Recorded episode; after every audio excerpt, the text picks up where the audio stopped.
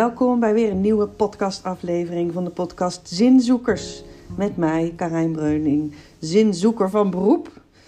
Kan, kan ik wel zeggen. Ik hou er gewoon van om uh, vragen te stellen over het leven, na te denken over het leven. Met jullie te hebben over wat het leven voor een zin heeft. En volgens mij is dat ook een ontzettend belangrijk thema om het over te hebben. En uh, gelukkig vind ik niet dat alleen, uh, dat vinden heel veel mensen met mij. En ook heel veel coaches die uh, bezig zijn met zingeving. En mensen die werken met bijvoorbeeld de positieve gezondheidstoel die Machtel Huber heeft ontwikkeld.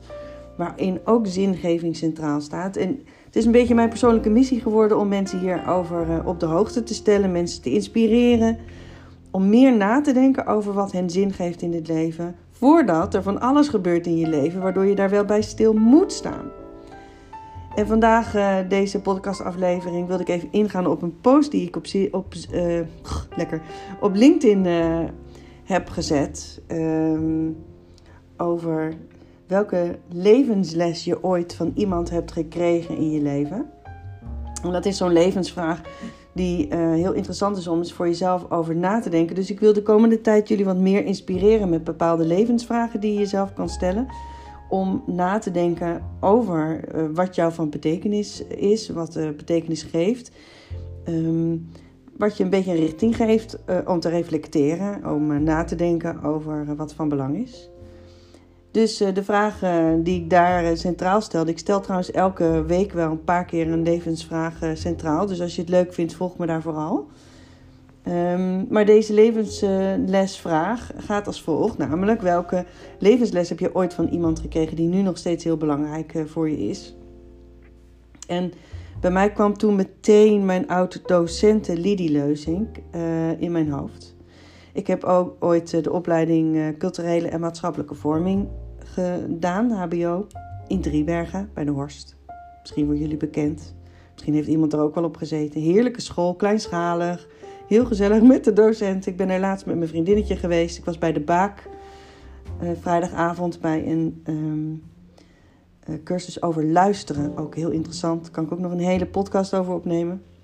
En hoe belangrijk luisteren is en wat je daar voor vaardigheden voor moet hebben.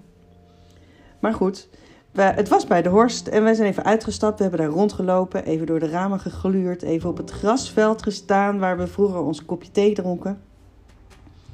En waar we met een hele groep uh, meiden en studenten uh, nou, eigenlijk het leven leefden, uh, onszelf ontdekten, onze um, nou, belangrijkste, denk ik, vormende periode in ons leven geweest. En waar ik ook mooie vriendschappen aan over heb gehouden. En daar op die school, de Horst, deed ik tijdens deze opleiding de afstudierichting religie, ethiek en zingeving. Ik heb er vaker over verteld. En um, dat paste mij als een, een schoen. Hoe noem je dat? Dat paste mij gewoon geweldig. Omdat ik nogal filosofisch ingesteld ben. En nadenk over het leven. En ik heb ook al op jonge leeftijd... ben ik heel erg bezig geweest met mijn spirituele ontwikkeling. Dat kwam niet voor niets. Dat kwam ook omdat ik ervaringen had op dat vlak. Eh, die ik moeilijk vond te verklaren. En ik ben dus al heel jong begonnen met het onderzoeken waarom dingen gebeuren, hoe de wereld in elkaar zit, waarom we leven. Um, ik was eigenlijk gewoon op zoek naar antwoorden voor de dingen die ik ervoer. En uh, misschien ga ik daar nog wel een keertje een hele podcast over uh, opnemen. Over wat voor soort dingen dat dan allemaal waren. Maar je moet het zien in, in, in het kader van het zien van entiteiten soms, uh, zeker vanaf jonge leeftijd, het uh, in contact staan soms met die entiteiten. Uh, ik had um, een enorme drang naar begrijpen hoe dat werkte. Um, en er stonden ook allerlei boeken bij mijn moeder in de kast waar ik in kon lezen daarover. Gelukkig, en wij konden daar het gesprek ook over voeren. Maar ik was dus heel erg zoekende. En um, ik kwam op de religie en ethiek zingeving minor af, omdat het nadenken over wat is juist, uh, hoe geeft religie antwoord op levensvragen, uh, wat is uh, dus de ethiek, maar ook het, hoe geef je zin daaraan, dat vond ik ontzettend interessant. En ik zat in een groep met mensen die vooral allemaal heel erg bijvoorbeeld gelovig waren opgevoed, van allerlei stromingen, en die daar heel sterke mening in hadden. En um, Daar heb ik eerder over verteld hoe mij dat uh, toen um, raakte, omdat ik zelf niet zo'n mening had. En eigenlijk moet ik eerlijk zeggen, dat heb ik nog steeds niet. En ik vond dat echt een probleem. Want soms krijg je gewoon de vraag: wat vind jij eigenlijk, Karijn? En ik wist het eigenlijk niet. Helemaal niet zelfs. Um, ik twijfelde ook heel erg aan de juistheid van mijn uh, mening. Om, of de juistheid van wat anderen zeiden, de juistheid van mijn eigen mening. Omdat ik de hele tijd dacht: is er wel een waarheid te vinden? Kunnen we niet allemaal open blijven denken? Um, en ik vond het dus heel lastig in die, in die uh, minor, omdat ja, het leek wel of de bedoeling was dat ik mijn mening ging vormen. En nou, ik kon dat gewoon slecht. En dus ik wilde de handdoek bijna in de ring gooien toen mijn docent Lidie Leusink mij uh, apart nam en mij uitlegde dat het hebben van een open mind, het luisteren, het nieuwsgierig zijn, het neutraal zijn, geen mening hebben, dat heel veel mensen daar een hele leven over doen om dat aan te leren. En ik dat in basis had. En wat zij daarmee deed, en daarom wil ik het nu aan, um, weer aanhalen, is zij gaf mij daar de levensles dat je eigen perspectief op jezelf, wat soms negatief kan zijn, dat dat uh, totaal gedraaid kan worden door het perspectief van een ander. En dat hoe jij naar de dingen kijkt, de dingen die jij zelf van jezelf niet interessant vindt, niet belangrijk, eigenlijk zelfs vervelend, dat dat voor een ander juist een heel waardevol eigenschap van jou kan zijn. En zij leerde mij dus voor het eerst dat je ook kan omdenken. Dat je het anders zou kunnen zien. En wat het doet als je negatief denkt over jezelf, over iets wat voor een ander juist heel positief is. Um, en ik heb de kracht daarvan uh, gemerkt, omdat ik me zo door haar gezien voelde en de vleugels kreeg om geen mening te hebben. De, de bevestiging kreeg dat het oké was om open te zijn. Dat het oké was om te zeggen: is er wel een waarheid? En tot de dag van vandaag heb ik een extreme allergie. Misschien zit dat ook in mij voor mensen die zeggen dat iets de waarheid is. Het is gewoon zo. Um, want ik geloof daar niet in. Ik geloof dat ieder zijn waarheid heeft dat mensen hun eigen perspectief hebben en um, dat zij dat waar vinden. Maar ik geloof ook dat je dat perspectief altijd kan shiften. En dat je ook doordat iemand anders misschien iets anders tegen je zegt. En met name over je eigen zelfbeeld. Hè? Dus dat mensen um, jou juist die dingen die jij soms moeilijk van jezelf vindt kunnen draaien. Waardoor je ineens denkt: oh, maar wacht even, eigenlijk is dat heel bijzonder. Prachtige levensles voor mij. En zo zijn er in mijn leven heel veel mensen geweest, en dat is denk ik heel belangrijk om te begrijpen, die mij levenslessen hebben geleerd. Het leven heeft mij ook lessen geleerd. Maar een andere les die ik heb geleerd door het leven is dat ik een whiplash kreeg. Ik werd aangereden op de terugweg naar huis. Toen was nog heel jong, 25 zoiets, 24. Ik was druk aan het werk, was heel gestrest. Snel, snel, snel, snel, snel ik was in een baan waar ik me eigenlijk niet op mijn gemak voelde. Ik deed ontzettend hard mijn best, veel te hard mijn best. En ik werd aangereden van achteren. Ik had een whiplash, ik vloog met mijn nek naar voren naar achteren en ik kwam thuis te zitten. En tijdens die periode deed ik de opleiding um, aan de SPSO, de oh, psychosociale. Psych ik weet het niet meer. Nu heet het Academie voor Integrale Menswetenschappen, dat weet ik wel. En ik deed de opleiding tot coach-counselor, vier jaar. En ik zat geloof ik in het eerste jaar of tweede jaar. En dit gebeurde en ik gebruikte dit natuurlijk, heb ik eerder ook verteld, als uh, onderwerp voor mijn scriptie. Die hele whiplash en het proces daaromheen. Um, maar ook daar was weer een docent tijdens een trainingsweekend die mij een levensles leerde. Want hij zei tegen mij: Dingen gebeuren nooit uh, uh, zomaar. Alles heeft een reden. Dat kan een mening zijn natuurlijk, maar hij raakte me daarmee. En hij zei ook tegen mij dat ik dit zelf veroorzaakt had. Toen was ik natuurlijk heel boos. Um, en ik vond van niet. Maar hij zei tegen mij, doordat jij zo gespannen achter het stuur zat, hè, al jouw spieren waren aangespannen omdat je zo gestrest was, heb jij die whiplash uh, niet kunnen opvangen, hè, of die klap niet kunnen opvangen. En heeft het schade gebracht. Als jij ontspannen was geweest, was dat niet gebeurd. Was je misschien als een lappenpop heen en weer gewicht niks aan het handje. En dan had hij wel een punt. En hij zei ook tegen mij: Je hebt nu iets te doen.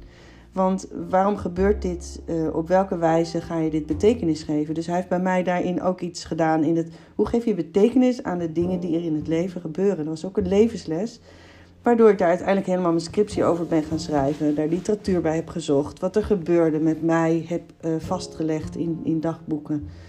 En uiteindelijk daarop afgestudeerd ben. Ook zo'n levensles die er door een ander... Hè, het, leven gebeurt, er gebeuren gebeurtenissen. En ik gaf er betekenis aan door ook opmerkingen van andere mensen... die ineens het perspectief voor mij veranderde. Een andere manier van nadenken over wat gebeurt mij, wat vind ik daarvan, hoe sta ik daarin. En dat zijn allerlei reflectieve vragen. Dus eigenlijk leven, vraagt het leven je om steeds te reflecteren. Je kan leven gewoon om te leven. En dan ga je gewoon door het leven heen en denk je nooit na over het waarom. En er zijn vast heel veel mensen die op die laag van bewustzijnsontwikkeling zitten, die gewoon het leven leven. Maar er zijn ook heel veel mensen die, zoals ik, um, eigenlijk een soort wandelende reflectiegeneratoren zijn, zal ik maar even zo zeggen. Die over alles nadenken, het waarom, maar waarom gebeurt het? En eigenlijk is dat een, een mate van bewustzijn. Dus in, in, net als wij in het coachen ook steeds met mensen bezig zijn om hun bewustzijn te vergroten. En dat is eigenlijk alleen maar een ander woord voor waarom doe je de dingen die jij doet. Waarom geef je daar zoveel voor? Waarom geef je daar niks om? Uh, waarom um, vlucht je als het moeilijk wordt? En wat doe je dan precies? Eigenlijk is het, het bewust worden een stroom aan vragen aan jezelf stellen. En zo zijn levenslessen die je van anderen krijgt of die door het leven gegeven zijn, super interessant om eens terug te halen. Om eens over na te denken: goh, welke levensles heb ik nou meegekregen van mijn ouders, misschien van een docent, Misschien van een vriendje van vroeger, een vriendinnetje. Iemand die iets tegen jou heeft gezegd. En het kunnen van die soort cheesy mooie zinnetjes zijn. Um, maar dat kunnen dus ook gewoon pittige kritiekpunten zijn geweest. Waardoor je door elkaar geschud werd en dacht: ja, verdorie, zo zit het leven voor mij in elkaar. Of dit pik ik niet, ik wil het anders. Wat voor soort levenslessen heb jij gehad? Ik ben er zo ontzettend benieuwd naar. Dus als je het bij LinkedIn, als je dit hoort en je denkt, ik ga eens even een reactie plaatsen. Hartstikke leuk als je dat doet. Natuurlijk super kwetsbaar. Dat merk ik ook in de post die ik doe. Er wordt heel veel naar gekeken. Uh, niet, zo, niet zo vaak op gereageerd. En ik realiseer me natuurlijk ook dat het kwetsbaar is. Dat je niet zomaar zo'n verhaal op een LinkedIn-site zet. En aan de andere kant vind ik ook dat het wel wat meer in de openheid mag. Omdat iedereen worstelt met dit soort vragen levenslessen krijgt. En maak het wat luchtiger voor jezelf. Een levensles is ook um, don't worry, be happy bijvoorbeeld. Uh, of um, nou, mijn man die leert mij bijvoorbeeld ontzettend om in het moment te blijven. Te genieten van het hier en nu, dankbaar te zijn. Ik ben altijd aan het streven en het vooruit aan het kijken. En elke keer stopt hij me letterlijk. Soms gooit hij me op een stoel. Nou, gooi is een beetje overdreven. Zet hij me letterlijk stil, doet hij zijn handen op mijn schouders en zet hij, zegt hij stil, zit, stop. Dat is een levensles in het vertragen, voelen, ervaren. Want je kan ook maar zoveel in je hoofd zitten en, en uh, reflecteren. Daarbij hoort ook je lijf. En daarbij hoort ook voelen. En um, ja, dus er zijn ook heel veel mensen die zeggen: Mijn grootste levenslessen komen eigenlijk uit de natuur. In het zijn in de natuur. Dat heb ik zelf ook ervaren. In het voelen van de uh, seizoenen, in het in de kou lopen, in het je voeten voelen, in, echt mindful in een bos zijn. Dat je gewoon deel bent van iets groters en dat het uiteindelijk allemaal niks uitmaakt, want de natuur gaat gewoon door. En de klok tikt door en de tijd tikt door. Dat vind ik ook zo mooi. Sommige mensen die kijken naar de sterren en realiseren zich dat we maar zo'n klein, klein zandkorreltje in het universum zijn. En wat is dan ons doel hier? Hè? Dus wat, wat, hoe groot ben ik in het grote geheel? Dat kan ook een mooie levensles zijn. En zo is eigenlijk in, in van alles, de natuur, de, de, de gebeurtenissen die je gebeuren, mensen die je tegenkomt, die dingen tegen je zeggen, is een levensles uh, verborgen. Dit wil ik even met jullie delen. Wellicht uh, zijn er zo levenslessen die bij jou uh, op zijn gepopt. Of mensen die er in je hoofd zijn gepopt. Dat je denkt, oh ja. En ga die mensen eens opzoeken. Vertel ze eens hoe belangrijk ze zijn geweest in je leven als dat nog kan. Uh, ik kan er bijvoorbeeld deze twee mensen niet meer, omdat die al zijn overleden. Maar als er mensen zijn in je leven die um, jou een levensles hebben geleerd, geef het ze terug. Met dat en dat wat je toen tegen me zei, is er zo'n ontzettende deur bij mij in mijn hoofd open gegaan of in mijn hart. Of ik heb eindelijk begrepen dat toen ben ik dit en dit gaan doen. Want het is ook een levensles voor de ander.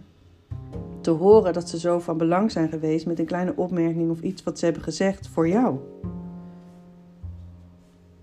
Dus ik wens je daar uh, veel plezier mee. Ik hoop dat je het me laat weten. Wat voor levenslessen jij hebt geleerd en van wie. En tot de volgende.